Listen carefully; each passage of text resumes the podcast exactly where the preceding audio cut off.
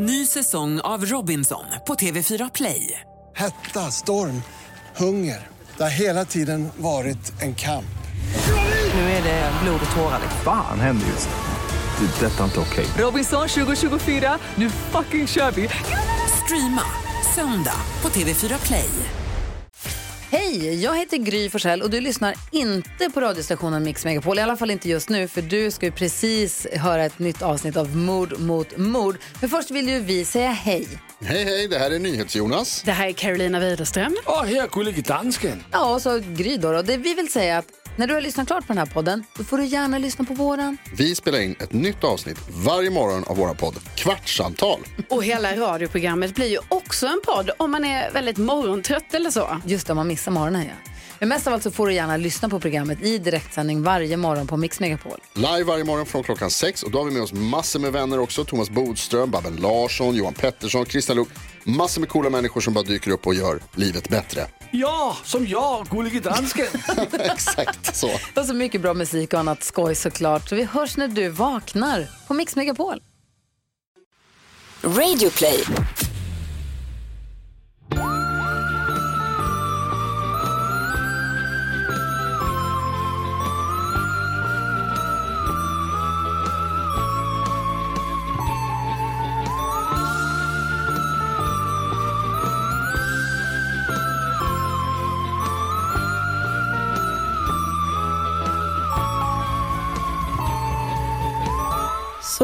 Vi är igång. än en gång med distanspodd. Vi är på distans. Jag är ju lite sjuk, eh, så vi håller oss isär. Det är bra. Tänk Det är att, bra. alltså, tänk att jag alltså inte ens lämnat min lägenhet för att typ slänga soporna på snart en Nej. vecka. Det är sjukt faktiskt. När var det du blev sjuk? Det var, jag tänkte på det häromdagen. Tisdags. Var det, tisdags ja. Mm. Mm. Eh, men jag vet inte, jag, jag var nog ute en sväng i måndags kanske. Kanske. Ja. Men det är liksom det. Sen dess har jag alltså inte, Men det är väldigt bra att ni har balkong. jag vet. Alltså det är verkligen, verkligen tur. Jag har suttit där ute och druckit kaffe faktiskt. Mm. Det kändes som en enorm tur. Ehm, men det är för det är också jobbigt när man inte, alltså när man är jättesjuk. Alltså när man Ja, är sjuk, sjuk ju eller du vet när man har feber, då, är- då passerar ju bara dagarna i revy. Exakt. Då, då, då, då känner man sig inte så deppig för att man ligger hemma. Nej exakt. Jag har ju också lyckats tajma det här med eh, djup PMS. Ah, den är tung. Så igår, så, eller inte igår, kanske typ torsdag så låg jag på Marcus och grät och sa typ du måste göra saker för att muntra upp mig. Men det är ju superbra att vara ihop med en komiker då. Ja, verkligen. Idag var jag tvungen att filma någon jävla musikvideo som han och Henke håller på med. I Ändå 8000 härligt. år. Eh, ja, men det, var härligt. Det var härligt. Hur mår Eh. du? Vad Just det, här är mord mot mord. Hur mår du Anna? Bra, jag mår bra. Ehm, Du är mitt uppe jag, i ett sånt djupt, djupt eh, em, målerikaos. Alltså vi eh, fixar så mycket. Ja, men ni är så jävla duktiga. Ni är väldigt Just nu. duktiga. Och Oskar var typ så här, han bara, tycker inte det är härligt att vi så här, fixar allting själva? Och så bara, Nej. jo, alltså det hade varit mycket härligare om någon annan gjorde det åt oss. Det ska inte stol med. Men det är kul att se när det blir, när det blir klart. Ja exakt, alltså poängen blir alltså att slutresultatet blir fixat. Exakt. Inte, men det är ju för att Oscar är ju på väg att upptäcka sin egen handyman. Och jag tänker typ att det är hans, eh, alltså hans, jag tänker att han tänker, han börjar se sig själv som en, eh, en sån fixig pappa på sikt tror jag. Och det är väldigt, det var också häromdagen, han bara, det är väldigt roligt när man får gå och köpa så här gears. Vad är det för gears? Han köpte en limpistol. Eh, nej, nej, nej, nej, nej, nej, nej, nej, nej. Det är inte har börjat pyssla. Det är inte det. En värmepistol. Det är så kul att tänka att Oscar Alltså, har ett sånt, att han har ett sånt, du vet, eh, ett arbetsbälte fast det bara sitter en sån limpistol som man trycker i limmet i där bak. Det var fel. Han har köpt en värmepistol. Också, och så har han köpt en ny eh, skruvdragare, en slipmaskin, eller han säger jag, det är vi som har köpt. Ja, gud. Ehm, Men jag kan verkligen se dig vara en sån fixare med. alltså jag är ju lite slarvig. Ja. Eh, Eh, det är ju min eh, svaga sida.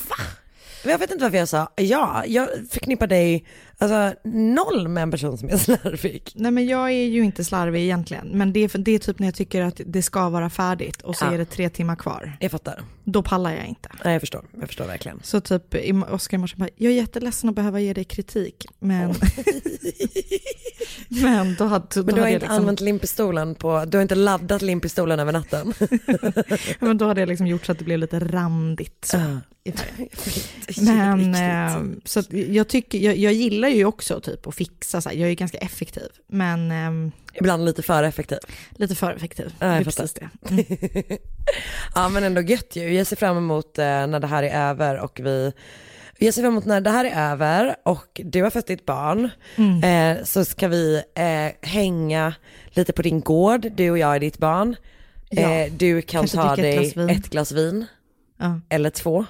Ja. Och det kommer bli så härligt. Ja, det kommer bli så härligt. Det var väldigt roligt igår. Eller Kat, Oskars syster hade lagt upp eh, en Insta-story så här. Påskbubbel typ. När Mm. alla satt, du vet, eller alla, vi var inte så många, det var vi.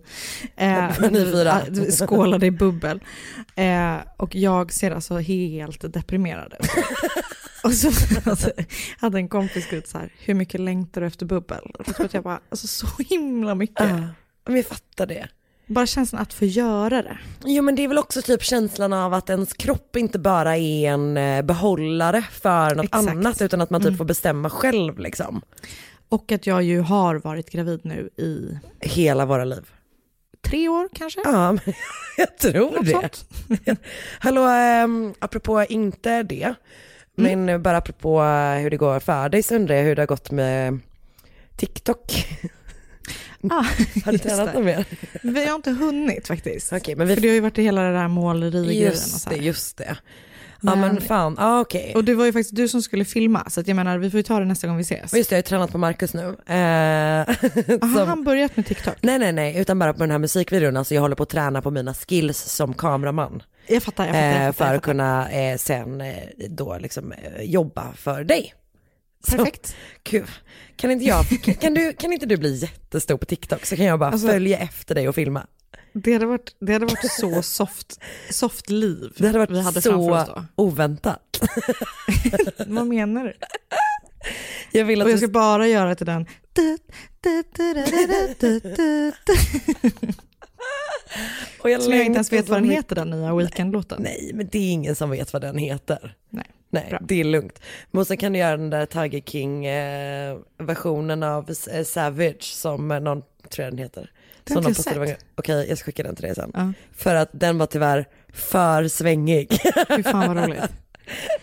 Eh, Men alltså, ja. jag måste bara säga, en sak som jag har tröttnat lite på här under eh, påsken Mm. är när alla bara så här skriver typ, gör så här, eh, ägg som de har målat Ja, till Joe. Exotic. Och så skriver de så här, hello all you cool cats and kittens. Även om jag tycker det är skitkul att hon, Att hon säger det, i alla sina filmer. Japp.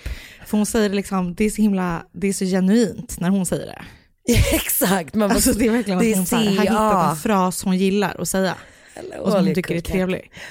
Jag vet. Men jag, Men jag, vet orkar, vad- jag orkar inte se det en gång Nej jag vet, jag håller med. Men det jag tycker, är roligt med, med just den frasen är att jag tror inte bara att hon tycker att den är trevlig utan jag tror att hon tror att hon tycker att den liksom är lite cool.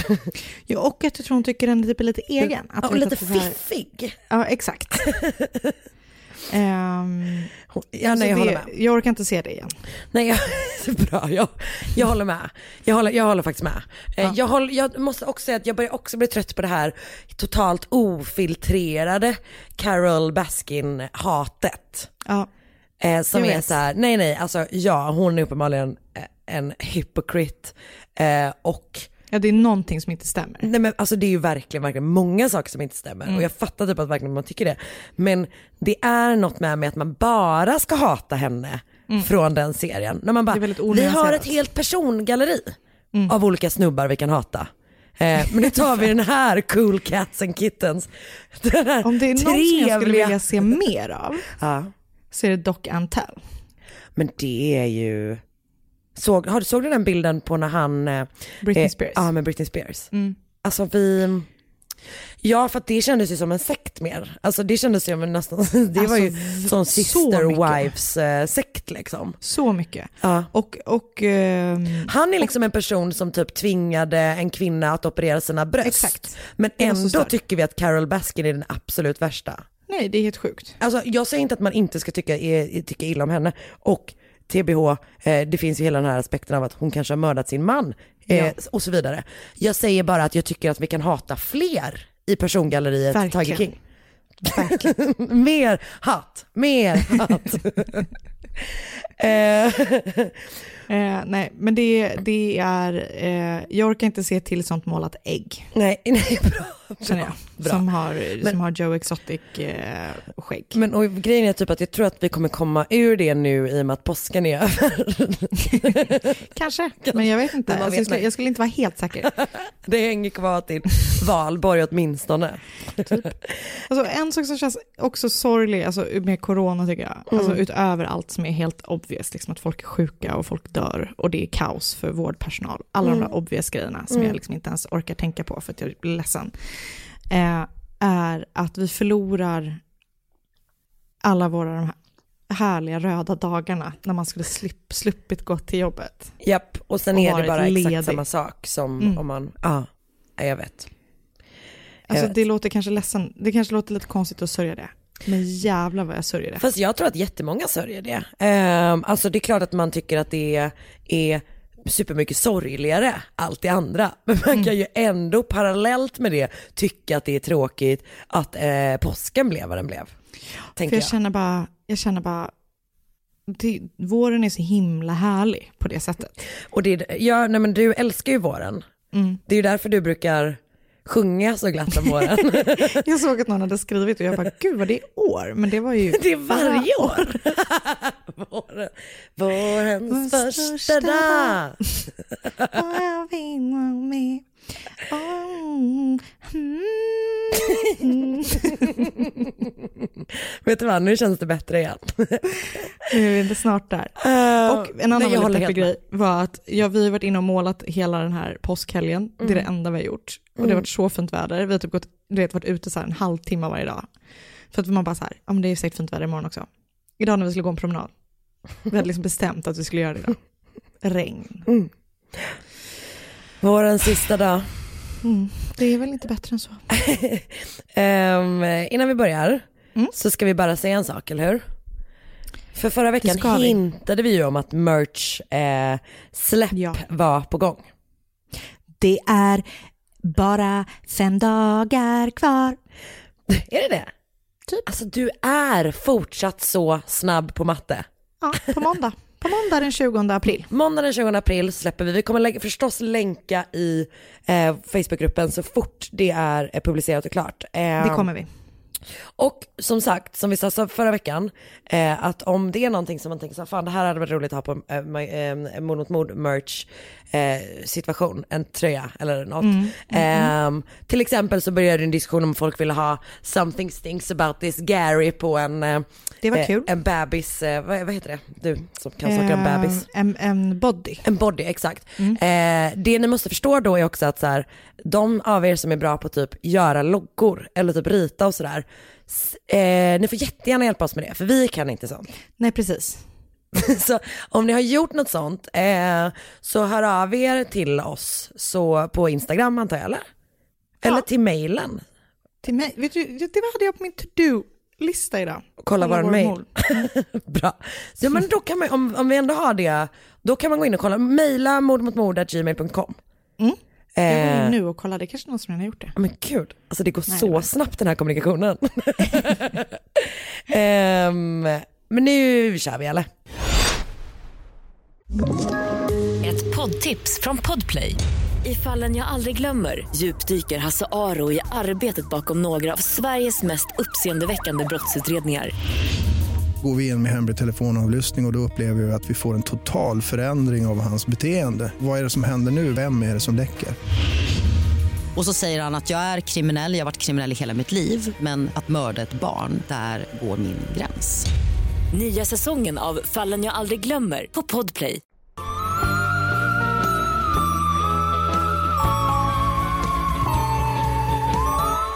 Okej.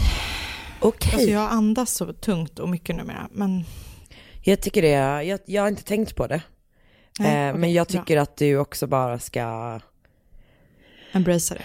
inte be om ursäkt. Det var inte, det gjorde du inte heller.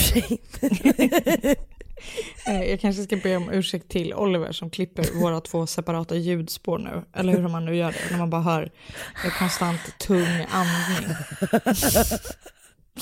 Okej. Ja, ja. Eh, veckans fall är ett tips från en lyssnare. Och eh, det är ett sorgligt, hemskt tips eh, som känns lite, lite för nära på ett vis. Eller vad man ska säga. Men Mm. jag kunde inte riktigt låta bli ändå. Jag Så förstår. Jag kör. Är du med? Ja, här, ja. Den här tipsaren har tipsat om ett annat fall tidigare. Så att, jag tackar för det. Vi har tagit båda dina tips. Oj, det är en väldigt, väldigt stark tipsare. Det är det, Ja. jag ska säga. Gud, Mm. härligt. Tack till dig. Ehm, Okej, på julafton 2002 ringer en man vid namn Ron Grantsky till polisen för att anmäla sin åtta månaders gravida styvdotter försvunnen. Okej. Jag vill bara säga att jag är ju inte i vecka åt, månad åtta än. Nej, så det är inte du då? Det är inte jag. Eh, han berättar att, det, eh, att hans 27 år gamla eh, styvdotter, eller dotter Lacey Peterson, har gått ut med sin hund, men att hon inte har kommit tillbaka. Däremot har hunden kommit tillbaka med sitt koppel på. Ah, Så det är det som har hänt. ah, inte bra. Nej. Nu ska jag berätta lite liksom bakgrund om personerna som den här historien kommer att handla om. Lacey Rocha, som hon eh, hette när hon föddes, föddes den 4 maj 1975 på typ en mjölkgård i Escalon i Kalifornien. Eh, och lite gullig men också lite konstig typ info om hur hon fick sitt namn var för att hennes, hon döptes alltså efter en tjej som hennes mamma hade träffat eh, i high school som hon tyckte var söt. Gulligt ju. Men också lite, lite konstigt. Ja, eller, det är speciellt men det var ändå gulligt på något Ja, sätt. jag tycker det. men jag, vet, tyckte hon var inte- söt, så nu vill jag ha hennes namn på min. Exakt. Ja, mm. Men jag kan typ för sig tänka det, för att man tänker, alla som har varit så här härliga och poppis typ, är lite så här, det, det är ju ja. någonting med de namnen då. Japp. Eh, på samma sätt som att det finns namn som man hatar för att man typ inte gillar en person. Exakt, verkligen. Ge mig ett Eh. exempel. Karin. Ett exempel. Ja, förutom Karin så... Nej, jag tänker, inte, jag tänker inte säga något. Men det, jag okej. har ett namn som jag känner väldigt starkt för, som egentligen är ett ganska fint namn. Men som jag inte klarar av. Det, vi tar det sen. Mm. Eller säg det nu och så bipar Oliver. Nej jag skojar bara. Och, jag, och den här person, och den här, jag har inte känt en person som heter så här sen... Ja, skitsamma. Nu kör vi, nu kör vi. Um, Lacys mamma och pappa, de skilde sig eh, när hon var typ bara fyra år gammal. Eh, och mamman flyttade till Modesto, där hon så småningom eh, gifte, sig, gifte om sig med den här Ron Grantsky då. Men, men Lacey och Brent fortsatte att typ så här, åka hem till sin pappa på gården typ på helgerna och så här, för att typ de gillade att så här, hjälpa till med djur, alltså vet, de fixade det där. Så att det verkar bara varit så här, all good in the neighborhood för alla i familjen eh, Rocha.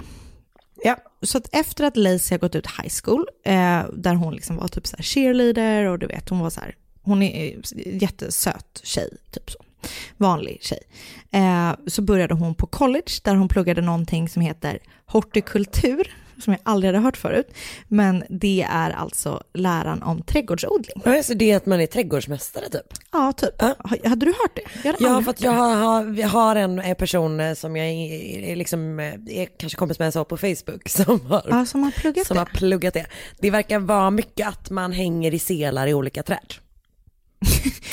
Och det är inte att eh, den personen är så, um, eh, vad heter det då?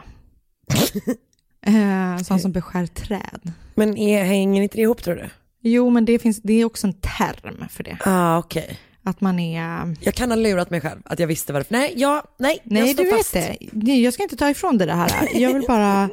ehm, jag vill bara veta Men vad, vet vad, vet du vad? det heter. Den, Den här personen kanske hade, han... eh, Arborist. Han, vad sa du? Arborist. Eh, det är verkligen det han är. ah, ja. Skitsamma. Nej, Men du visste typ vad det var, hortikultur var ändå. Jag hade aldrig hört det. Alltså nu när jag, kan du säga det igen? Arborist? Nej, det andra. hortikultur. Nej, aldrig hört. Jag är verkligen imponerad om du liksom visste. jag har ju inte hört det. Okej Åh, då. Gud, jag- jag, jag, tänker, jag tänker att du vet vad det är. Jag tänker att du har pluggat det. ja, du vet ju vilka gröna fingrar jag har. Verkligen. Ja, nej, jag orkar inte ens ta upp det, för jag blir bara ledsen när jag tänker på att jag gav er en stickling i en jättefin kruka. Som, Som Marcus hade trillade omkull på. Eh, Ja. nåväl, jag, jag, är inte arg för det Ehm, längre. Jag skojar. Nej men eh, okej, så att under tiden hon pluggade, eh, närmare bestämt 1994, så träffar hon en kille. Eh, hon börjar besöka sin kompis som jobbar på en restaurang som heter Pacific Café. Eh, och eh, för att hon tycker att eh, en av den här kompisarnas kollegor är lite så här, lite, lite intressant. Oh. Och eh, Lacey som var väldigt nära med sin mamma eh, sa typ efter att hon hade träffat den här killen första gången att hon bara, jag har träffat den personen som jag lyfter mig med. Oj. Så hon är så här helt upptagen av den här killen och hon är också den som gör sitt ursprungsmovet. Så hon lämnar sitt nummer till den här Scott Peterson. Och Scott eh, nappar på det här eh, The Offer of Lazy. The offer of love. Exakt. Och han ringer upp henne och så börjar de dejta. Scott Peterson föddes då den 24 oktober 1972. Han är typ tre år äldre alltså än eh, Lacey. Han har sex äldre syskon, men han var den enda, eh, det enda barnet som hans mamma och hans pappa hade gemensamt. Så han var liksom, ja det var väl två mergade familjer helt enkelt.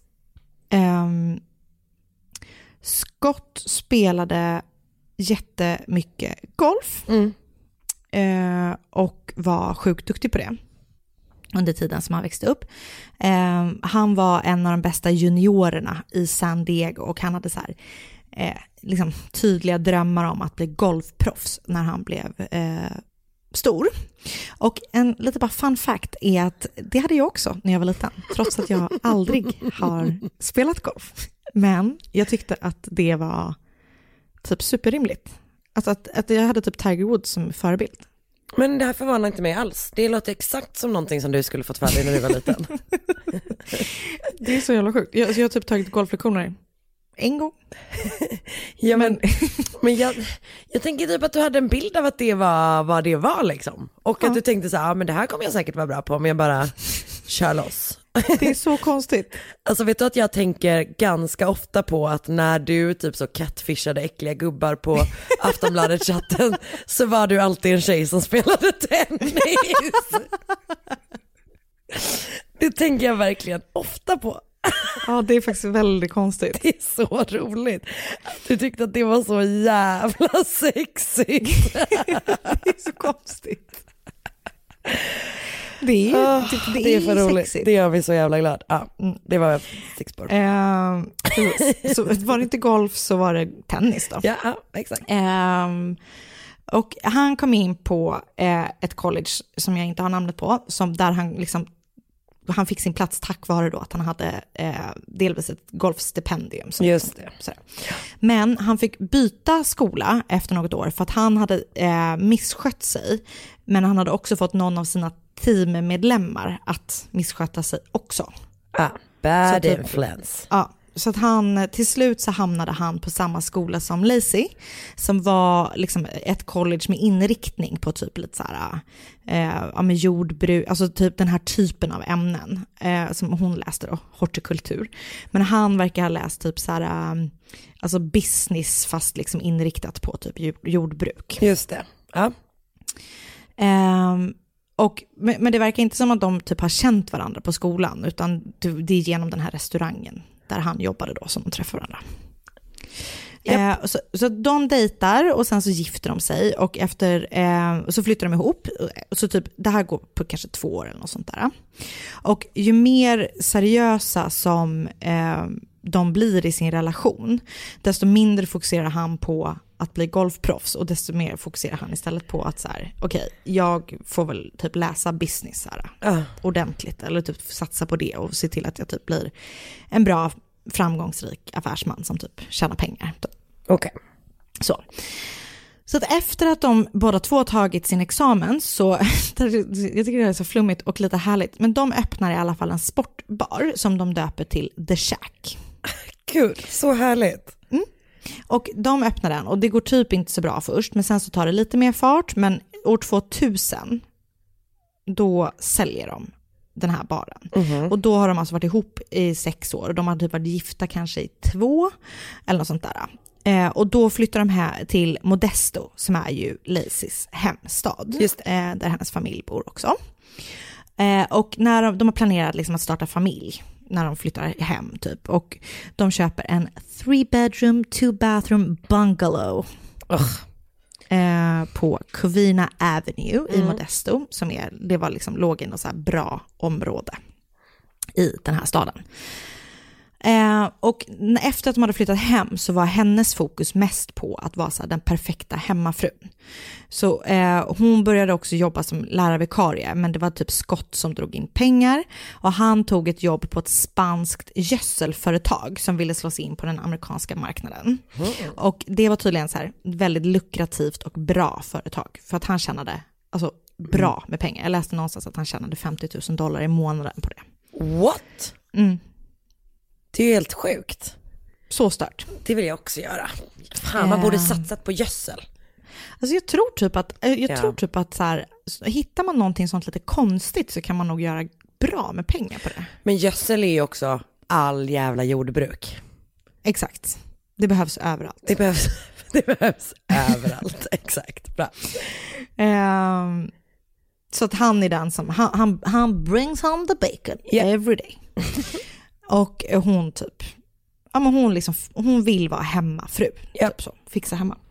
Ehm, och två år efter att de har flyttat hem, i typ mars-april 2002, så får de den glada nyheten att de två ska bli föräldrar. De får reda på då att de väntar en liten pojke som ska komma den 16 februari 2003 och de planerar att döpa honom till Connor. Men så försvinner då Lacey på julafton 2002.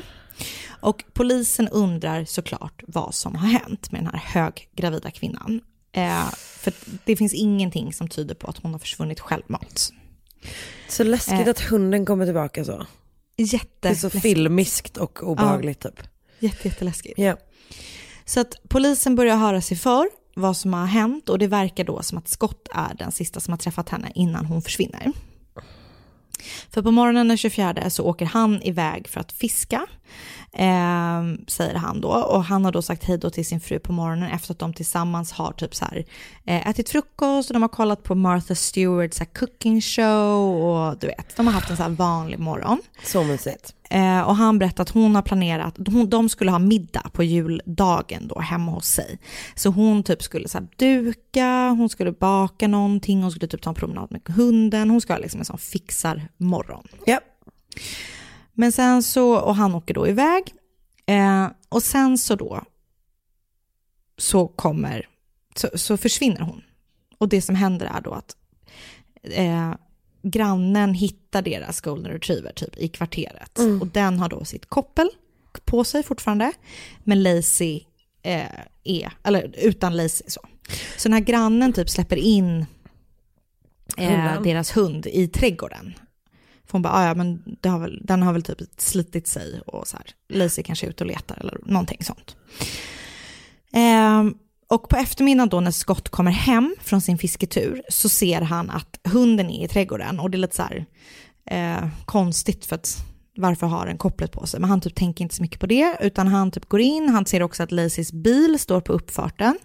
Ehm, så han går in och typ eh, gör som han brukar göra eftersom han typ jobbar med kemikalier. Så typ tar han en dusch det första han gör, han har varit ute och fiskat, du vet, han är så van att typ så här duscha när han kommer hem. Så han typ slänger in en tvätt och så här, du vet, det, det är liksom inget konstigt. Men så, så, eh, så, så hör han på deras telefonsvarare att dels så är det ett röstmeddelande som han har spelat in, som är o, olyssnat, som han har spelat in när han åker från den fiskeplatsen där han var, när han säger typ så här, hej nu är jag på väg hem. Eh, det har hon inte lyssnat på, så liksom, hon har inte varit hemma då. Eh, klockan är typ fem när han lyssnar på det här och han har talat in det här meddelandet kvart över två. Eh, och, sen, och han har typ hela tiden bara tänkt så här, hon kanske är hos sin mamma. Du vet, de är nära, de kanske fixar inför julen, whatever det kan vara. Så, här. så först har han då det här meddelandet som är från honom själv. Eh, och sen så har han ett meddelande från Ron, alltså Lacys styvpappa. Mm.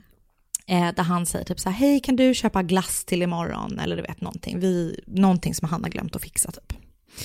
Eh, så han bara okej, men det är ju konstigt. Om hon inte då är med, eller om hon är med sin mamma.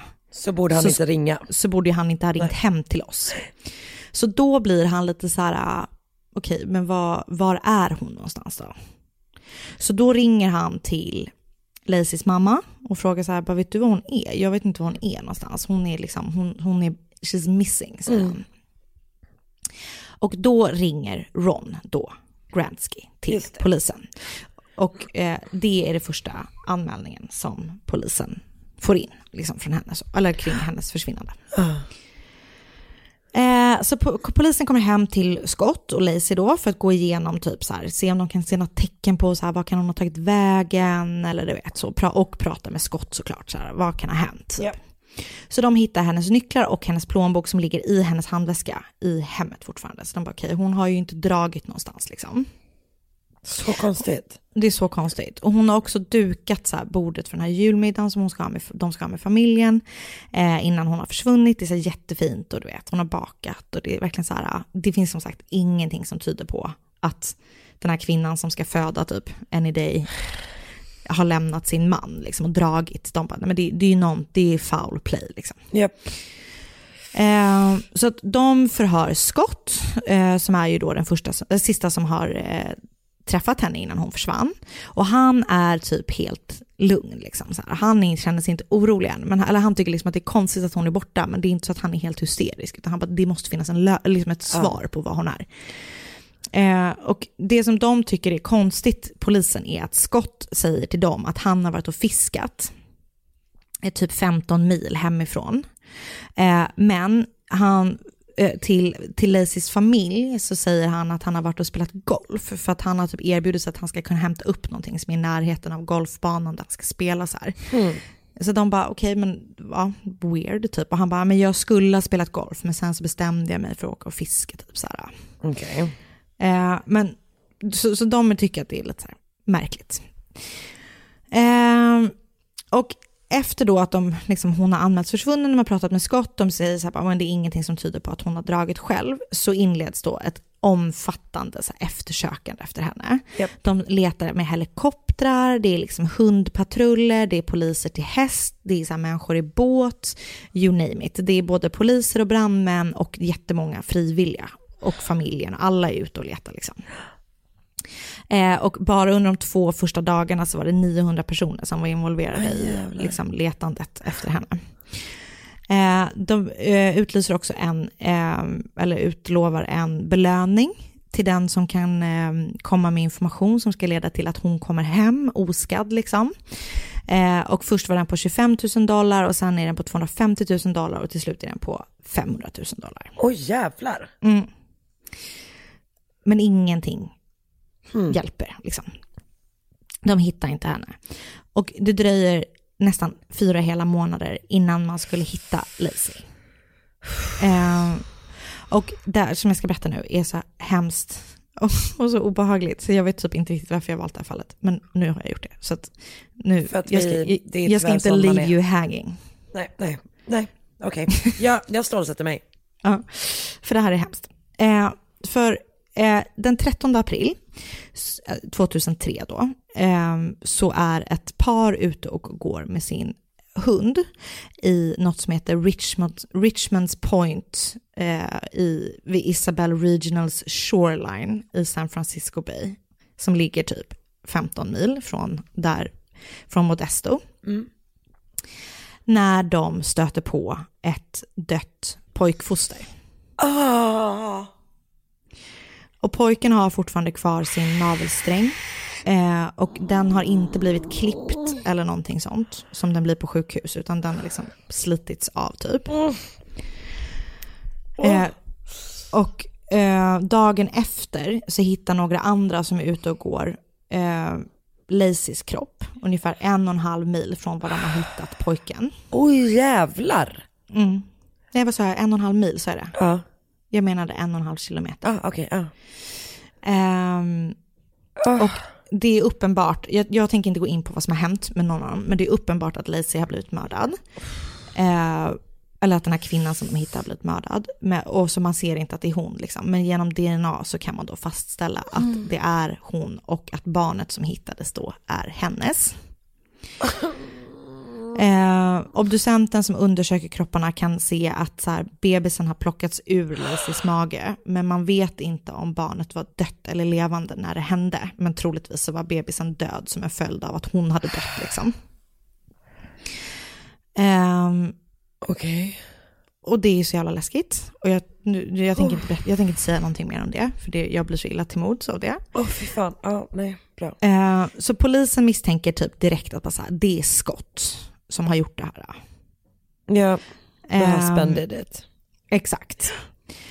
Eh, men de är typ inte direkt så supertydliga med det offentligt, för att Lacys familj är helt säkra på att Scott är oskyldig, att han Mm. inte har någonting med det här att göra. Men det, det är dels det här då att han berättat olika saker, och du vet att han inte, att han inte då har reagerat som man tycker att man ska, du vet allt det där vanliga. Som gör då att man bara så här, och, och som du sa, the husband did it, ofta så är det ju mannen som har gjort det. Det är ju det väldigt, väldigt ofta. Mm. Ja. Så de liksom börjar rikta in sig på att så här, vi vill, det är nog skott typ. Det ska också visa sig, och det här gjorde det då innan man hittade eh, Lacey och bebisens kroppar. Men det ska visa sig också att Scott har haft lite olika tjejer vid sidan om sitt äktenskap. Ja. För den 17 januari så kom en kvinna vid namn Amber Frey som var ensamstående mamma eh, till polisen och berättade att hon dejtade Scott. Som hon trodde hade varit en helt vanlig singelkille. De har typ dejtat i fyra månader. Oj, för att han har utgett sig för att vara en helt vanlig singelkille. Så hon har ju typ blivit helt förkrossad när hon helt plötsligt så inser att så här, nej men den här killen som jag är kär i eh, är egentligen gift och det är hans gravida fru som har försvunnit. Liksom. Så hon kommer då till polisen för att berätta så här, att han dejtar mig typ. också. Samtidigt som han är gift. Um, och han, det, då, vet, de tycker typ att han har varit så här, när hon berättar om vad som har hänt i deras relation, så är de så här, okej det här, allting är lite weird typ. Så här, han har tydligen berättat för henne i december, början på december, innan Lacey ens har försvunnit, att han har sagt så här, men min, min fru har gått bort, och det här blir min första jul ensam. Han typ ringer till henne på nyårsafton då de har någon så här vaka för att hitta Lacey så ringer han till den här Amber för att berätta typ att han är i New York, nej inte New York, han är i Europa, typ i Paris för att fira eh, nyår med sina vänner. Alltså vet, han berättar så saker, han, han har betett sig weird liksom. Okej. Så Amber går med på att låta så här alla telefonsamtal mellan henne och Scott spelas in. Japp. I hopp om att han ska typ kanske säga någonting som kan tyda på att han är delaktig i mordet på Lacey och deras barn. Men, men det gör han inte. Utan liksom han typ bara så fortsätter typ som att de dejtar. När de pratar i telefon. Ah. Eh, det ska också Fan vad sjukt. Alltså det är så jävla hemskt. Eh, Amber visar sig heller inte vara den första affären som Scott har haft liksom, under sin relation med Lacey, utan han har haft andra kvinnor vid sidan om. Typ. Eh, och efter att Lacys familj får reda på det här så blir de så här, då, då, då känner de inte liksom samma eh, lojalitet med Scott längre. Nej, så att såklart. de börjar liksom backa lite undan från honom. Så det här har liksom börjat hända innan de ens har hittat kroppen. Japp. Eh, så polisen har liksom misstänkt honom från att hon har försvunnit tills, ja, tills att hon hittas. Så att den 13 april hittas alltså då hennes kropp och pojk, den här pojk, lilla bebisens kropp. Eh, och polisen blir typ mer och mer sugna på att bara så här, vi måste gripa Scott. Vi- För de är också rädda för att han ska fly. till Mexiko typ. När, han, när, när hon väl har hittats så är de så här, okej vi måste typ göra någonting för att det är ganska hög flight risk på, eh, på honom. Ehm, så efter att de har hittat kropparna så undersöker de Scott och Lacys hem igen. De genomsöker hans bil och de genomsöker hans båt och typ hans verktygslåda. De genomsöker liksom massa grejer för att hitta på liksom något tecken, du vet någonting så här. Kan han ha gjort någonting? Eller kan vi hitta någonting som tyder på det? Vet. Men de hittar ingenting. Eller de hittar lite hår som tillhör Lacey på typ hans båt. Vilket ju inte är så konstigt för de, Hon de är ju båten. gifta liksom. Ja, ja exakt. De genomsöker också det vattenområdet där hon och bebisen har hittats eh, på jakt efter typ sådana här betongklumpar. Eh, för att de tror att, så här, att han har typ sänkt henne med det. Men de hittar ingenting. Alltså de hittar ingenting, inget, ingenting. Till slut i alla fall, den 18 april 2003, fem dagar efter att de har hittat kropparna, så griper polisen Scott.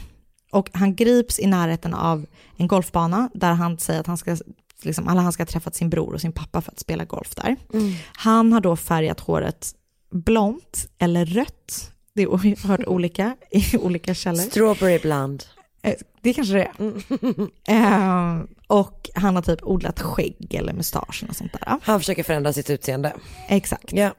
I bilen så har han allt från typ så här campingutrustning, olika skor, ganska mycket kontanter och fyra olika mobiltelefoner. Han har också sin brors legitimation. Så han var typ bara så här, nej men alltså jag har fått leva i min bil för att det har varit sån så jävla mediacirkus sen hon försvann.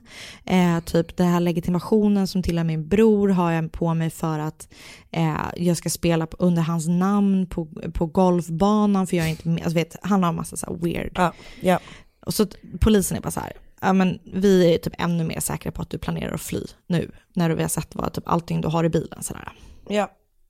Eh, så att de griper honom och sätter honom i häktet och tre dagar efter att han grips så eh, åtalas han för överlagt mord eh, på Lacey och mordet på deras ofödde son. Och Scott, Scott säger såklart att han är oskyldig. Ja. Eh, de fick flytta hans rättegång till en annan stad än Modesto för att det var så mycket uppståndelse kring mordet och man kunde typ inte hitta så någon, du vet, jurymedlemmar som inte var liksom biased och du vet sådär. Men rättegången inleds till slut 1 juni 2004. Åtalet säger att motivet till mordet hade varit då att Scott ville vara singel igen ehm, och att det gick sämre och sämre för honom rent ekonomiskt, att han hade börjat hamna i här skuldfälla och att han egentligen inte ville ha barn. Så att mordet liksom var för att han skulle bli fri från typ allting. Det känns så jävla grovt bara att mörda sin s- gravida fru, alltså i åttonde månaden, förstår du? Liksom, det är ju så här. Och, och typ också göra så med bebisen. Ja! Eh, Oh, okej. Han fortsätter ju säga att han är oskyldig. Och Scotts försvar säger att han är då oskyldig, det är liksom spåret de går på. Eh, och de säger så här, men det är någon som har kidnappat Lacey för att de vill komma åt barnet som hon bar på. Men att någonting måste ha gått snett liksom längs vägen. Det är det som de tycker är liksom den mest rimliga teorin. Ja. Försvaret pekar också på, eller vad sa du? De kan ju inte ha några bevis, eller de har Nej. typ inga bevis alltså Förs- på att han precis. är... Försvaret är bara så här, det finns inga Nej, bevis. nej. Det finns inte ett endaste bevis på att han har gjort någonting. Det är typ så här, det känns, det känns liksom mer som så här, ah, okej, ja men att han hade typ andra relationer, men det är ju bara ett bevis på att han är en dålig man. Exakt, och det är exakt så säger försvaret. Men gud, var jag försvaret? Du, jag tror det. Och, eh, nej men precis, exakt så säger försvaret bara så här, okej det som det bevisar att han hade affärer var att han var en sopig äkta man. Ja, ja, ja. Men det bevisar inte att han mördade henne. Nej, Vilket okej. du inte gör. Det har de ju rätt i. Nej, okej. Mm. Ehm, och du, du vet, alla, alla olika kallar olika vittnen, typ för åtalet för kallar något vittne som är expert på eh, du vet, tidvatten och du vet, så här. Men ingenting egentligen är så här, det är ingenting som är superstarkt. För det Nej. finns inga bevis, utan det är bara så här teorier mot teorier. Ah. Ehm, Eh, Ja, helt sjukt. Så i alla fall, den 12 november 2004, nästan två år efter att hon har mördats, så döms i alla fall Scott för överlagt mord på Lacey och mord ja, på deras ofödde son. Han döms till döden genom, eh, dödlig injektion och han döms för också att betala 10 000 dollar för kostnaderna eh, för Lacys begravning. Det här är då trots att det inte finns några bevis. Han döms till döden. Mm.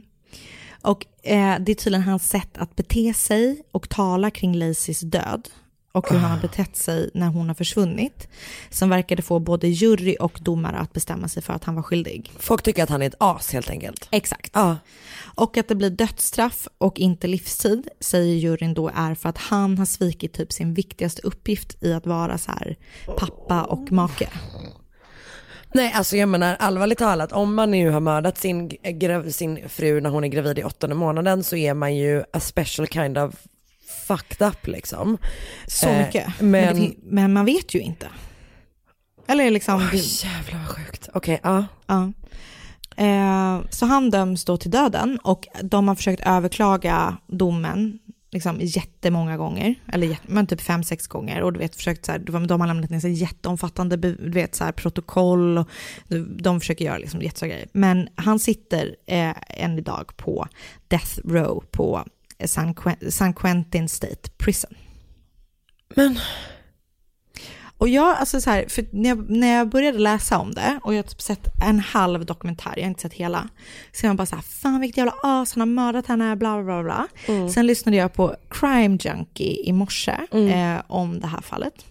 Och då är det bara så att, för att då, de är ju två tjejer också, och då, den ena berättar om det här, och så säger den andra tjejen bara så här, ah, gud att du valde det här fallet för det var så himla känt, och bara så här, alla är bara så här, han är skyldig, han är skyldig, och hon bara, men jag vet inte om han är det.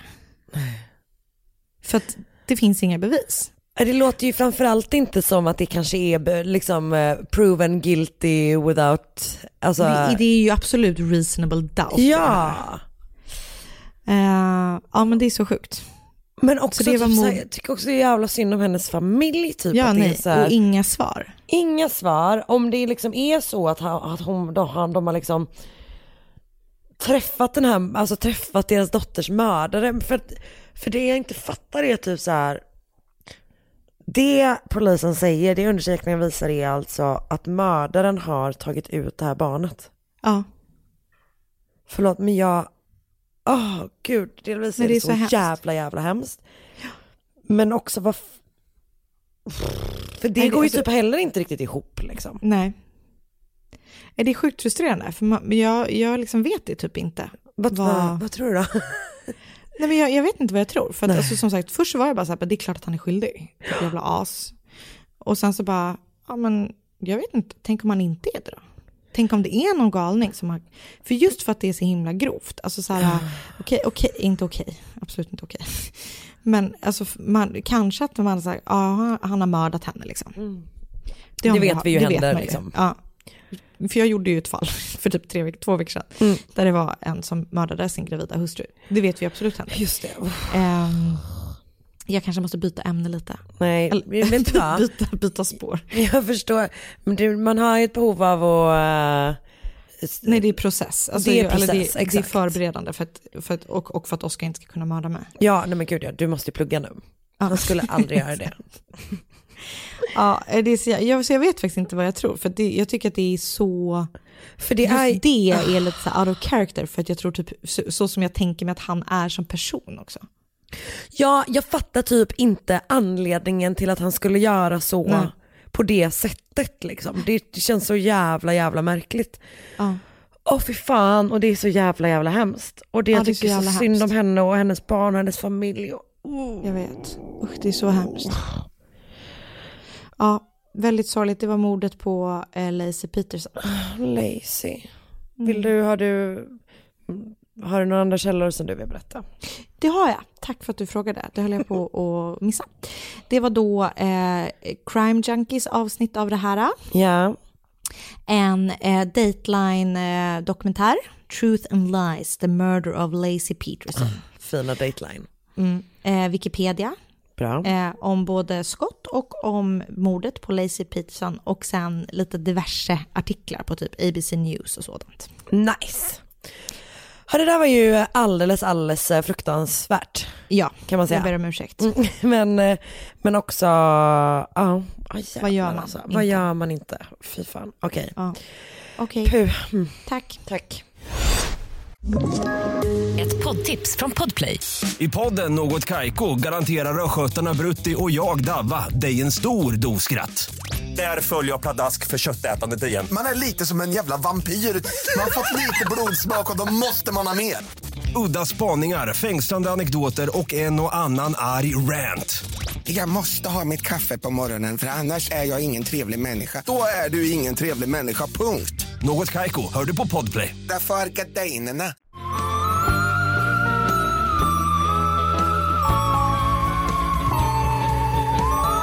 Strax efter halv fem på morgonen den 24 maj 1987 kommer en man in på en polisstation i Scarborough, östra Toronto. Förstås, förstås känt som, eller från The Scarborough Rapist. Ja, ja, ja. Eh, verkar eh, hända lite skit där kan man säga. Mm. Eh, så även i detta fallet. Eh, den här mannen är liksom förvirrad, han är skakar typ och han är täckt av blod. Jaså? Och han ehm, har också liksom avskuren, alltså du vet som lederna i händerna. Som liksom gör böjlighet möjligt. förstår. Vad menar du? Typ som, som gör böjlighet möjligt. Men Ja. vad, jag fattar inte, är de av eller vadå? De är av. Men fy fan. Ja, jag vet, panik. Ehm, eller de är liksom blottade, vissa är liksom, och vissa av dem är till och med avskurna typ. Ehm, jag vet, fruktansvärt. Men trots då att han uppenbarligen är superskadad så verkar den här mannen inte känna någon smärta. Okej. Eh, och till en av poliserna eh, på den här stationen så börjar han eh, prata och är liksom så ganska fragmentarisk i vad han säger. Det han säger är så här. Okej. I just killed someone with my bare hands. Oh my god, I just killed someone. I've just oh. killed two people. My god, I've just killed two people with my hands. My god, I've just killed two people. My hands, I just killed two people. I killed them. I just killed two people.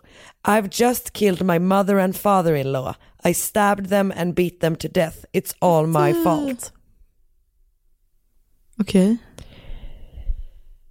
Mannen eh, som har gått in och eh, sagt det här, han heter Kenneth Parks, eller Ken Parks. Ehm, jag tror att jag skrivit Kenneth, men nu, båda kommer säkerligen eh, förekomma om jag känner mig själv. Båda funkar också. Båda funkar, exakt. Ken, Kenny. Ja, men jag tror att han, eh, att han kallas för Ken, men att han kanske hette Kenneth, hur som helst. Ehm, Kenneth Parks föds i mitten av 60-talet och växer upp i Toronto. Initialt så bor han med sin mamma och sin pappa, men de skiljer sig när han är fem år gammal. Och sen har han ingen kontakt med sin pappa alls förrän han är typ 18 tror jag. Okej. Men han har typ ingen supernära relation till sin mamma heller. Hon träffar en ny ganska kort efteråt och gifter om sig och så här. Det verkar inte vara så att de, de verkar inte ha en superbra relation. Ehm, och han får också ganska tufft i, i, här, i skolan ganska tidigt. Han har liksom lite svårt med så här impulskontroll. Eh, och i tidiga tonåren så grips han för någon liksom mindre stöld. Ehm, och när Kenneth är 16 år gammal så flyttar hans mamma och hennes man, jag vet inte om han hade fler syskon, men i alla fall de två, från ehm, Toronto och lämnar honom där. För, Och då får han bo med sin mormor och morfar. Och eh, ja, men så att det är liksom, tänker jag väl, en någon slags bild av att så här, det kanske typ inte var världens starkaste relation med sin mamma. Men han verkar ha en Nej. relation till sin mormor och så där i alla fall. Det är också bra. Ehm, Kenneth växer upp och blir en liksom stor man. Han är nästan två meter lång och han väger strax över 100 kilo. Och jävlar. Ja. Han är snäll och omtänksam. Någon gång mot slutet av sina tonår så träffar Kenneth en tjej som heter Karen Woods. Och Karen är, jag tror att hon är några år yngre Jag än honom. älskar sådana namn för det känns alltid som att de är påhittade. Karen Woods och Kenneth Parks. så bra. De passar så bra ihop. Båda två kan jobba, med- eh, båda två kan, vad var det hon pluggade till? Ja. Åh nej. Det var är inte arborister. Det är rätt förhör. Eh, hortikultur. Just det, båda två, eh, inom, båda, inom båda efternamnen kunde man jobba med hortikultur. ja, det kan man absolut. Eh, men Karen då, som sagt hon är några år yngre än honom. Tror jag, det har jag hittat på, men det känns som det. Det är hon säkert, jag tror på dig. Hon har eh, rymt hemifrån. Det här är det jag baserar på att hon är några år yngre, för att Ja, det är någonting man gör när man är typ kanske mitten av tonåren. Ja. Eh, hon bor i östra Toronto med sin mamma och sin pappa och sina, två systrar. Mm. Men hon har liksom dragit från dem. Eh, det känns bara som att det är ett vanligt sånt, sån urfuckning som barn Mm. gör, eller unga gör i den åldern. Ja. eh, men Kenneth är så här, han bara, vet du vad? Jag tycker att du borde åka hem till din familj. Och han övertalar henne att återvända till sin eh, mamma och pappa. Och hennes mamma och pappa heter Barbara Ann och Dennis Woods. Och eftersom han gör det, eh, får hem deras liksom runaway daughter, så blir han ju, alltså de börjar tycka väldigt mycket om honom och blir förstås jätteglada när Kenneth och Karen börjar dejta. Jaså?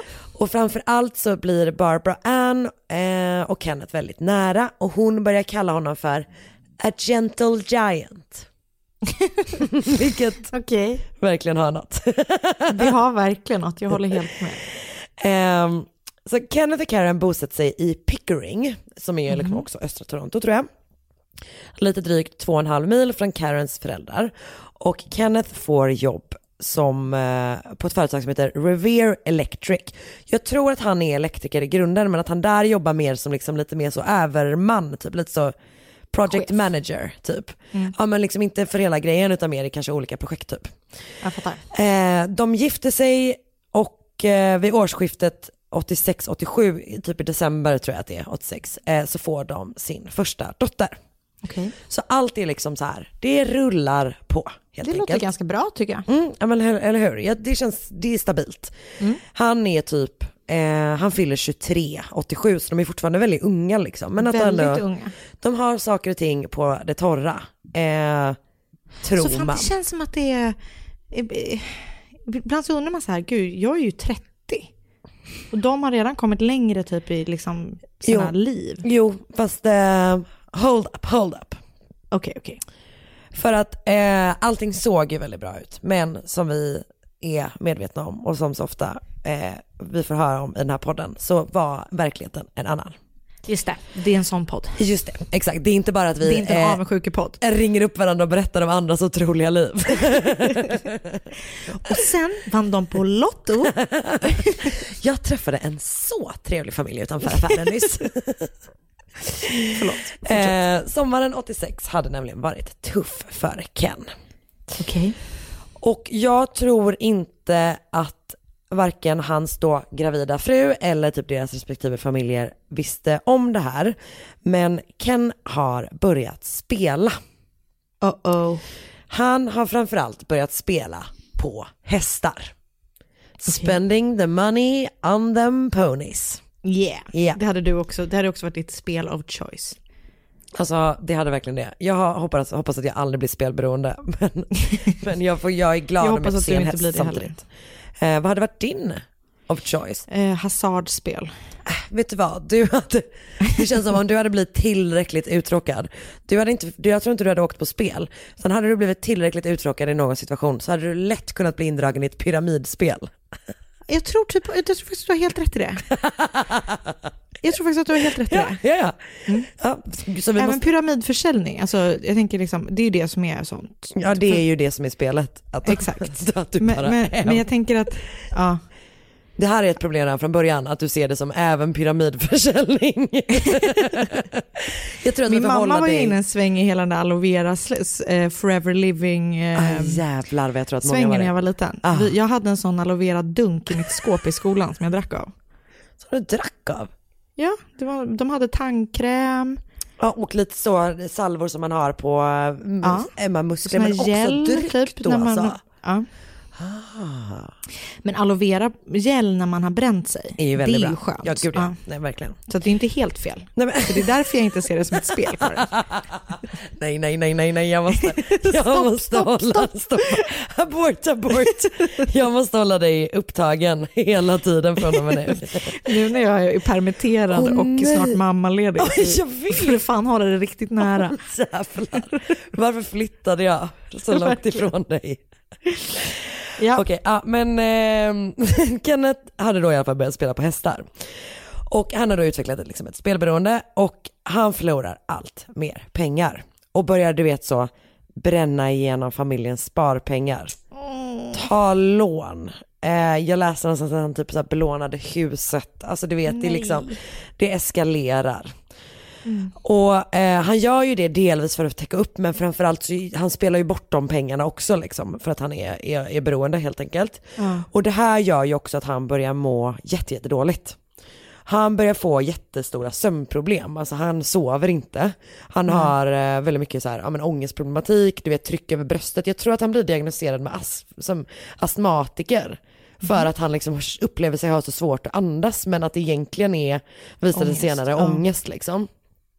Det är också man bara, vi måste bli, låta eh, vuxna män bli bättre på att prata om sina känslor när de blir liksom diagnostiserade astmatiker för att de inte kan liksom känna av att de har ångest. Det, men det är Mm. jättesynd om honom. Ja. Eh, och du vet så här, han går upp nästan 40 kilo i vikt, typ drar sig undan från alla sina kompisar. Han kommer liksom in i du vet en sån dygnsrytm där han liksom så här, han, man går och lägger sig i hyfsad tid för man lever ändå i en familj och så här. Men Mm. sen ligger han typ klarvaken och du vet kollar på TV. Ja, det värsta. Ja, alltså och det, och det är liksom, eh, det blir bara mer, man kommer in i en sån jävla spiral liksom. Mm. Och så mår han sämre och sämre. Eh, men grejen är att, och det här är lite märkligt, men när Karen och Kenneths dotter föds i december så blir Mhm. det bättre. Det eh, behöver inte vara märkligt på något sätt, att, att han blir liksom bara, men, det, som- men det som är intressant är att alltså, han, börjar, han får bättre sömn efter att Ja, han har blivit småbarnsförälder. Det, Det är jag, det, det är ändå sjukt. Det att, han, att han har ett spädbarn, han bara numera, nu när jag har ett spädbarn hemma sover jag ju som ett spädbarn 12 på natten. Ja, exakt. Så det är lite speciellt. Men, Det men, det, konstigt. men, men det, det börjar liksom i alla fall se lite bättre ut på, på pappret. Sådär. Men i mars 87 så kommer något upp till ytan eh, som man nog får misstänka att han liksom bara gått och väntat på. Okej. Han får sparken från sitt jobb. Okej. För han har förskingrat pengar från dem. Uh. Över 30 000 dollar. Och han har liksom på något sätt fört över pengar från kontona du vet, till sina egna, sitt eget konto Ja, helt enkelt. Den är inte bra. Nej, för den är också så här, den är, den är man bara, ah, de är på ditt konto nu ja, just det. Ja, då är det nog du som har Ah. tagit dem. Alltså det är så jävla liksom tydligt. Fan typ. vad dumt. Ehm, och det har han då gjort förstås liksom på grund av sitt spelmissbruk. Mm. Och inte nog då med att han får sparken, utan han blir förstås också polisanmäld. Och kommer ut mot borgen och liksom vän- inväntar sin rättegång. Ja, nu fick jag ångest. Ja, jag vet. Panik. Eh, och det gör ju också att hans och Karens relation blir jättedålig. Liksom. Mm. Det kan man ju också förstå. Verkligen, alltså hon är ju superbesviken, jättearg. Du vet de har också just fått Ja, sitt barn typ sen tre månader tidigare. Ehm, och du vet hon är så här, hon bara, du, jag vill inte sova i samma säng som dig innan du Nej. har börjat gå i liksom terapi för det här. Typ ta tag, börjat ta, ta tag, ta, ta, ta, ta, ta, tag. Ta-ta-ta-tag. Innan du har börjat äta tartar för ditt spelmissbruk. Ja, precis. Han måste ta tag i sitt spelmissbruk. Hon Mm. är så här, innan dess så, det är liksom, det är hennes ultimatum typ. Mm. Eh, och han gör liksom något jobb här och där som typ elektriker, men han fortsätter att spela liksom. Mm. Även typ de, eh, när de pengarna kommer in så försvinner de ändå liksom. Mhm. Och eh, till slut så är Karen så extremt jävla uppgiven och desperat och så, här, så att hon säger så här, hon bara, om inte du går med i Anonyma Spelberoende så Ja. kommer jag ta våran dotter och lämna dig. Okej. Så den 20 maj 1987 så går han äntligen på sitt första möte. Okej. Han gör det ändå. Ja, jättebra. Ehm, och bara dagar efter det här, för att han har, de har ju liksom som sagt haft en väldigt nära relation till hennes föräldrar typ. De har Mm. varit där mycket, de bor ganska nära varandra, de har liksom verkligen, de kommer superbra överens. Ehm, och även han har en stark relation till sin mormor. Men efter att det här har hänt så har han liksom dragit sig undan från dem, alltså han skäms ju helt enkelt. Mm. Han har så jävla mycket ångest för att han har gjort så här och försatt familjen i den här situationen typ. Ja, det kan han väl ha. Ja det kan han absolut ha. Men så att han har liksom så här, ja, som sagt, sen, jag tror att det är typ sen han förlorade jobbet så har, han, har de liksom knappt setts typ. Nej, okej. Men eh, ett par dagar efter att han har varit på det här mötet, jag tror det är kanske typ den 23 och 24 eller något sånt där, Mm. maj, så har de då bestämt att så här, han ska berätta både för sin egen mormor, det ska han göra först, och sen dagen efter ska han berätta för sina svärföräldrar, eh, för då har de liksom bjudit in dem till typ en grillfest. Så då Vilken Ka- hemsk fest. Ja jag vet, verkligen, inte bra. Och det är också att Karen har varit så här, hon bara, då måste du berätta för, eh, för dem på, på den festen liksom. Ja, det, fan, man känner sig trängd då alltså. ja, nej och det är ju liksom bara så här, ja, det är ju bara att göra. Och typ också vad jag fattar hennes känsla av bara så, ja, då får du fucking säga det. Alltså du vet man har ett sånt behov av att liksom trycka Verkligen. till, typ att jag vill att du ska skämmas. Det finns ju typ en viss, det är klart att hon vill att de ska veta situationen, men just att hon vill att han ska berätta det är ju också för att det ska sätta sig i honom typ. Exakt. Man, för, precis, man måste ju typ göra det. Man måste ju typ ä- göra det för att äga den situationen. Ja. Alltså det är ju som att berätta att man är liksom, ja. Alltså Ja. jag vet en person som eh, var otrogen precis innan sitt bröllop och eh, de, eh, dens partner tvingade den att liksom ringa runt till alla Nej. gäster och berätta. Oh. Det har något. Också hur jobbigt att få det samtalet. Okej, ja. Jaha, Jaha, eh, ja, okej. mm, okej. Men Margareta alltså? Ja, jag hittade på att han var otrogen med någon som Fan, vad hemskt. Jag vet, så jävla stört. Jag Eh, orkar inte. Nej jag vet, panik. Ehm, så att det var ju inte lika illa som det här, men det var ändå en grillfest som skulle bli riktigt stel typ. Riktigt stel. Ehm, Fy så att, fan. Ja jag vet, panik. Men så att, eh, nu ska vi se, bup, bup, bup, bup, 24 maj, som sagt grillfest hos svärföräldrarna. With a Ja. side of stelhet. Ehm, och sen ska han väl typ så fortsätta gå på möten, liksom, se, de får vi se vad som händer i den här rättegången. Och, men de ska liksom ändå jobba sig igenom det här tillsammans typ. Okej.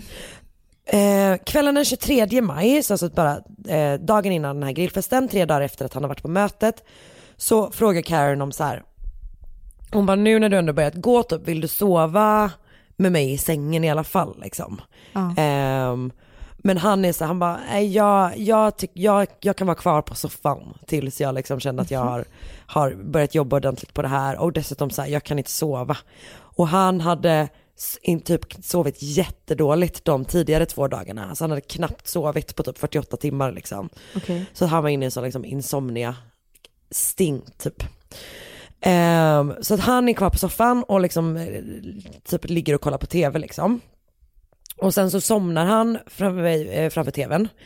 Och ett par timmar senare så ställer han sig upp, sätter på sig skorna, går ut ur huset, alltså tar sina bilnycklar, så här, tar bilen eh, och kör iväg. Och Okej. när han går därifrån så lämnar han alltså både garagedörren och ytterdörren alltså vidöppna. Sen kör han eh, samma, lite drygt då, 2,3 mil långa sträcka till Barbara Ann och Dennis hus.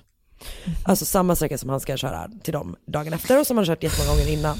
Ja. Där parkerar han, han hämtar en kofot i garaget och använder sin egen nyckel för att gå in i huset liksom. Han tar med sig kofoten och en kniv och sen går han till sina svärföräldrars sovrum. Och där vaknar då Dennis Woods av att liksom en stor man sitter över honom i sängen med händerna runt hans hals och stryper honom.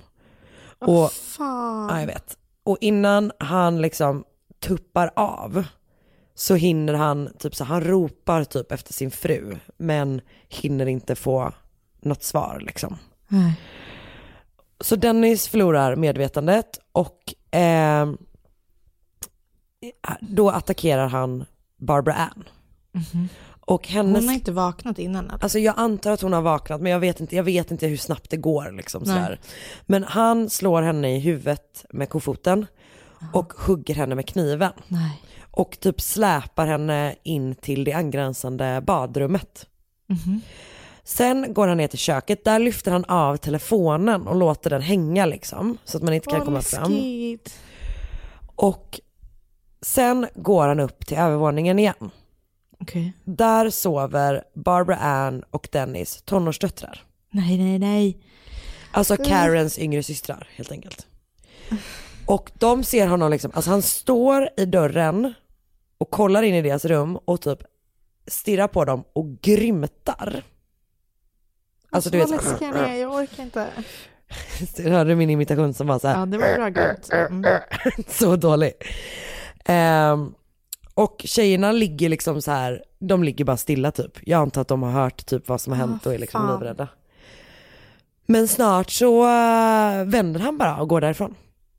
Nej. Sen så lämnar han huset, sätter sig i bilen och kör till närmsta polisstation och berättar då vad han har Alltså, gjort. han- Men han dödade inte föräldrarna? Barbara Ann Ja. är död. Ja, hon dog. Hon har knivhuggits i bröstet och i axeln. Ett, kniv, ett hugg har tagit i hjärtat. Och hon har också utsatts för trubbigt våld med kofoten eh, mot huvudet och det har bland annat orsakat en, en blödning i hjärnan liksom. Ja, okej.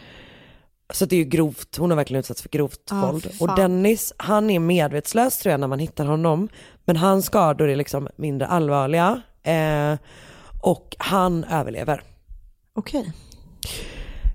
Ehm, så att som sagt, Kenneth Park åker direkt till polisen och berättar vad han har gjort. Alltså kommer in täckt i eh, blod och är bara så här, jag har mördat två personer. Gud vad läskigt.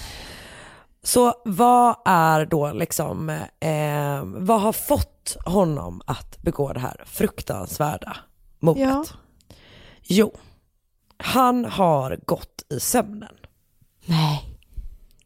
Han säger liksom att typ att allt, alltså han, han har typ somnat på soffan och sen har han typ en minnesbild från det här huset och det är att hans svärmor, alltså Barbara Ann, typ kollar på honom med ett ledset uttryck.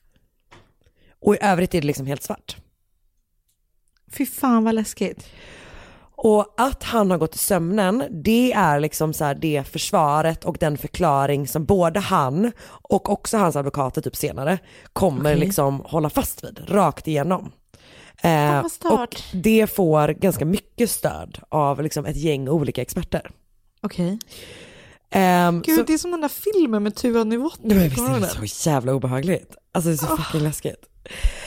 Eh, men okej, så först kan vi prata lite grann om de saker som typ experter menar då eh, stöttar teorin att. Kenneth har då mördat sin svärmor i sömnen. Ja. Som sagt, han hade haft mycket problem med sömn tidigare. Ja. Han hade led av insomnia, han hade knappt sovit på 48 timmar innan han då genomförde den här attacken. Mm. Han, han säger typ att så här, han sover extremt djupt när han väl sover eh, och är jättesvår att väcka. Typ. Okej. Han har massor av sömnproblem i sin, alltså i familjen finns det liksom så här, det är jättemånga typ sleepwalkers och eh, alltså hans familj håller på i sömnen om man säger. Jag tänkte bara på White Walkers när du sa Sleep Vad är White Walkers? Ja, du kollar inte på Game of Thrones, jag glömmer bort det hela tiden. Hur kan du inte göra det? Men du kan inte fortsätta vara arg mig för detta. jo! Okej, vi kan, vi kan ta det, vi kan ta Vi kan det ta det off air. Ehm, nej men och eh, när han var liten en gång så, eller yngre liksom, när han var barn, så Mm. eh, kom hans mamma tror jag in i hans rum och då satt han i ett fönster på sjätte våningen där de bodde och dinglade med benen. I, och hade liksom gjort det i sömnen typ. Ehm, och om man då i grunden har liksom sömnproblem så kan en eskalering av dem eh, triggas av lite olika grejer. Bland annat då sömnbrist ehm, och som sagt knappt sovit men också typ så tuff fysisk utmattning. Och han hade då eh, helt otränad spelat rugby en hel eftermiddag i typ så jättevarmt väder. Okej. Mm. Så det tror man kan- spela in också. Fan vad sjukt. Eh, och sen så var han också då under liksom psy- psykisk press på grund av det här Ja. åtalet och missbruk. Alltså du vet allt det där. Det får liksom. man ju säga att han ja. var. Eh, man mäter under eh, utredningen alltså aktiviteten i hans hjärna när han Jaha. sover. Och, oh, sånt är så spännande. Eller hur? Det är jätteintressant. Och där kan man liksom se väldigt mycket så här, eh, abnormaliteter i hans sömn, eh, i mönstret när han sover. Det händer fucked up things. Eh, helt enkelt. Så att det, jo, och sen så är det ju också då det, det faktum att så här, han saknar helt motiv. Han hade en jättebra relation med Ja. sin eh, eh, svärfar och svärmor. Det liksom borde inte ha Det skulle väl vara typ om han var rädd att de blev besvikna typ. Ja exakt och det är ju, det är ju ett motiv som händer eller som folk, eh, det är en anledning till att folk mördar tänker jag, eller det är det ju, det Ja. har man ju typ hört om. Men han har ju redan berättat för sin fru Ja. och han har också gått, precis gått på sitt första möte. Ja, nej det är weird alltså. Ja, eller hur? Nej men för det är ju motivet i sådana fall liksom. Ja. Ehm, sen också att han håller fast vid samma historia hela tiden trots att polisen liksom försöker påverka honom så berättar han om och om igen, alltså identisk historia liksom. Om, det vill säga jag minns ingenting och typ så här, det, det finns inga justeringar typ sådär. Och ett annat eh, bevis säger man är, eller inte bevis men liksom en annan, eh, ja, ett annat stöd för den här teorin är då att han verkade vara helt omedveten om att han har, hade skadat sina egna händer. Mhm. Alltså du kommer ihåg i början? Ja, jag minns. Att han liksom så här, att han, du vet det var nästan som att han typ kollade ner efter att han hade sagt det här att han hade mördat folk, att han bara my hands, alltså du vet liksom så här Ja. att han inte hade någon, eh, någon Nej, okej. uppfattning om att han var skadad helt enkelt. Okej. Ehm, lite saker som liksom talar emot då. Mm. Det är att Kenneth faktiskt typ aldrig, utöver den här gången han var liten, hade gått i sömnen. Nej. Han var ingen sömngångare liksom. Ehm, och eh, alltså, hans fru säger så här, ja, han, han brukar prata i sömnen, han sov jättedjupt och var väldigt svår att väcka. Men han har inte liksom varit så att han har... eh, Alltid ute och vandrat. Nej exakt och även de med sömnproblem i hans familj, även de som faktiskt gick i sömnen, de typ så här gick aldrig, typ nästan aldrig ut från sina hus och sådär, vilket tydligen är också extremt, extremt ovanligt med, vid, eh, med folk som går i sömnen, att man typ går långt. Det händer väldigt, väldigt det är väldigt, väldigt Ja, ovanligt. det känns väldigt konstigt. Ja, alltså jag tror att han hade typ någon kusin som en gång hade gått ut och satt sig på sin veranda. det är typ så långt de har tagit sig tidigare. Men det, det känns som det vanligaste är typ att någon går upp och kissar på fel plats och sånt där. Alltså verkligen. Jag hade, jag hade en kompis när jag var liten som kissade i källartrappan. Jag vet en som har kissat i tvättkorgen. Det är roligt. Det är roligt. Så svagt. Det är kul att man bara tycker att det är roligt att man kissar på lite fel ställe. Det är roligt. Men jag kommer också ihåg att hennes mamma hade också typ insett att hon, att hon gick och kissade och följde efter henne och du vet satte henne på toaletten typ. Och sen gav hon henne eh, papper typ. Och då började hon, du vet lite grann så som en typ en kanske Kalle Anka tvålar in sig under armarna. Att man liksom tar pop, pop, pop, alltså som att man ska sjunga en sång. Ja. Pop, pop, pop, pop, pop, pop. Alltså du vet så. Börjar hon gnugga med pappret. Gud vad roligt. Ja, det är, är ju, det, är ju, det är ju bara lite småkul med folk som går i sömnen. Det kan jag ändå säga som en person som går i sömnen. Absolut. Eh, en gång gick ju min bror till grannarna. Har jag, har jag berättat det? Nej men det var sjukt. Nej, alltså Erik vaknade i en lägenhet som han bara, vad är jag någonstans? Gick och kollade i fönstret och var så här, jag känner igen det här jättemycket. Men det är något som är fel, liksom. Mm. Ser alltså ett par fötter i en säng liksom. Fy vad läskigt. Går Vad läskigt ut från i grannarna också. Jag vet. Går alltså ut i trappuppgången och inser att han har gått upp till våra grannar Mm. hemma hos pappa och gått och lagt sig och sovit på deras soffa. Så sjukt ju. Alltså tänk om de hade vaknat. Ja, fan vad läskigt. Men det ble- ordnade sig väldigt bra. Eh, för att eh, dagen efter kom, hade vi efterfest och då kom grannen hem till oss och däckade på våran efterfest. Så det liksom ordnade upp sig. Det var, Perfekt. det, det var ett givande och tagande. Okej. Ehm, jo, att han då också har en minnesbild av Barbara Anns ansikte skulle typ också så här kunna tala emot det här. Ehm, det finns också något om att han har något minne av att eh, Karens systrar typ skrek och att han typ så här har ett minne av att han själv skrek tillbaka men enligt dem har han ju bara mumlat liksom och grymtat typ. Ehm, de här ovanliga hjärn, alltså aktiviteterna i hjärnan när han sover skulle ju återigen också kunna vara då bara att han faktiskt när de gjorde de här mätningarna var under extrem press och stress liksom. Ehm, sen finns ju också aspekten att det är så här helt enkelt är liksom highly unlikely hela grejen. Alltså inte bara att han har det utfört, det är så jävla sjukt. Och det är inte bara att han har utfört de här attackerna utan han har också kört bil över Ja. två mil i sömnen. Det är ju weird alltså, det, Det, stämmer ju inte. nej och typ det är också så här uppenbarligen har det ju varit en kamp med svärföräldrarna. Så att, och man kan, jag har ju en gång vaknat när jag gick i sömnen och det, går ju att väcka folk, det är ju bara det att man Ja, mår jätte, jättedåligt efteråt. Och Ja. att han inte har vaknat även om han är en heavy sleeper är ju märkligt liksom. Ja. Men så att jag läste någon, jag läste en artikel i Psychology, Psychology Today som jag kan, eh, som jag eh, kommer säga vad den hette sen. Eh, och där hade typ man någon teori om att han kanske eh, så här hade, hade gjort det liksom vaken men sen förträngt minnet typ direkt. Mhm. Någon sån grej, jag vet Mm. inte. Ehm, men hur som helst, det här är liksom caset, att man är så här, han har begått det här mordet när han sov. Okej. Och på grund av det så kan han inte dömas. Och det är inte bara det att han inte kan bli, du vet så här, not guilty for reasons of insanity. För att, att gå i sömnen är ingen sjukdom liksom. Utan Nej. det enda som kan hända är att så här, han kan dömas för det här eller han kan frias bara rakt av liksom. Mm. Och under den här rättegången så stöttar alltså fem olika experter tesen om att Kenneth Parks sov under den här tiden. Vad sjukt. Och juryn går på samma spår. Så det slutar alltså med att han helt frias från misstankarna. Shit vad stört. Och ett par år senare, 1992, så fastställs den domen. Så han liksom tillbringar inte en sekund i fängelse på grund av att han faktiskt har mördat sin svärmor och försökt mörda sin svärfar. Ehm, men Vad hände med hans relation? Eh, ja, men han, han, han döms för bedrägeri. Eh, Så att den hände typ ganska kort efteråt. Och behöver betala tillbaka runt, jag tror att det är typ 32 000 dollar eller någonting. Okej. Eh, han gör det, han får hjälp för sitt spelberoende, för sina sömnproblem, bla bla bla. Men han och Karen skiljer sig, vilket ju Ja, är det mest ju. rimliga någonsin Mm. ändå. Alltså, Det får man ju verkligen säga. Jag tror, alltså han har ju också en fruktansvärd ångest över det här liksom. Men det spelar ju ingen roll, han har ju ändå mördat hennes mamma. Ja, liksom. Fy fan, man kan aldrig recover från det. Alltså. Nej det är nog jävligt svårt alltså. Eh, så de skiljer sig, ja, han får totalt sex barn, jag vet inte hur många relationer han får det i. Eh, och i oktober 2006 så är han tillbaka, det är alltså då 14 år senare efter att hans dom fastställts, så är han liksom tillbaka i nyheterna.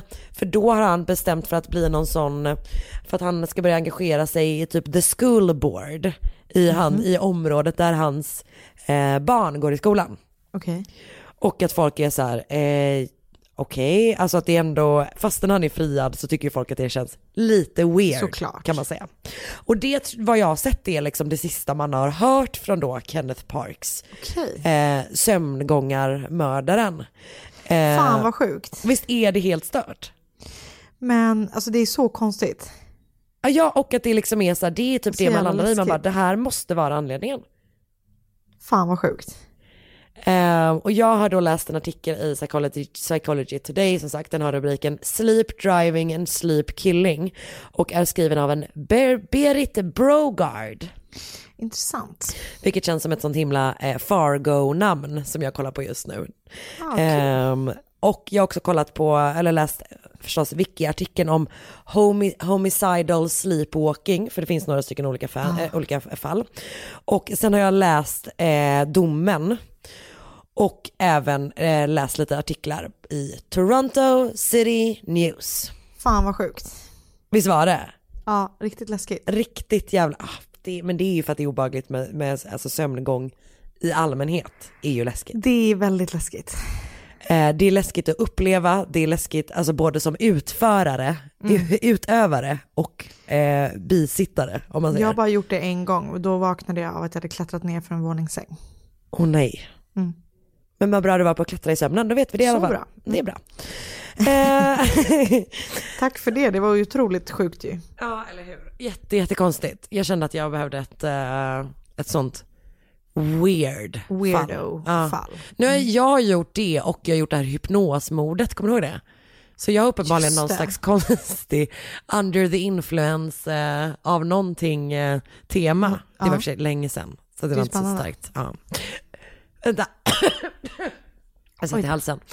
Um, Okej, tack för att ni har lyssnat på oss. Tack snälla. Alla, hoppas att alla håller sig friska. Ja, ehm, hand om er, var försiktiga och eh, så lägger vi ut merch-länken i vår Facebookgrupp Mord mot mord Ja, podcast när den kul. kommer. Önska fall av oss på Instagram, eh, att Sandell Anna, att Karin Londre. Så hörs vi gör ju vi. nästa vecka. Bara en vecka kvar. Bara en vecka kvar tills vi hörs. Det är sant. Och Anna, tack snälla för att du har muntrat upp mig idag. Jag kände att jag behövde Tack. det. Jag blev glad. Tack detsamma. Hej då hörni! Hej då! Elen strömmar in och pengar strömmar ut, ut. Det är för dyrt, det måste få ett slut, slut. Vi borde byta till ett annat elbolag. Så kan vi få ett förslag. Ja, nu byter vi elavtal. Sparar pengar i tusental. Del av Smarta. Ett poddtips från Podplay. I podden Något Kaiko garanterar östgötarna Brutti och jag, Davva, dig en stor dos skratt. Där följer jag pladask för köttätandet igen. Man är lite som en jävla vampyr. Man har fått lite blodsmak och då måste man ha mer. Udda spaningar, fängslande anekdoter och en och annan arg rant. Jag måste ha mitt kaffe på morgonen för annars är jag ingen trevlig människa. Då är du ingen trevlig människa, punkt. Något Kaiko, hör du på Podplay. Därför är gardinerna.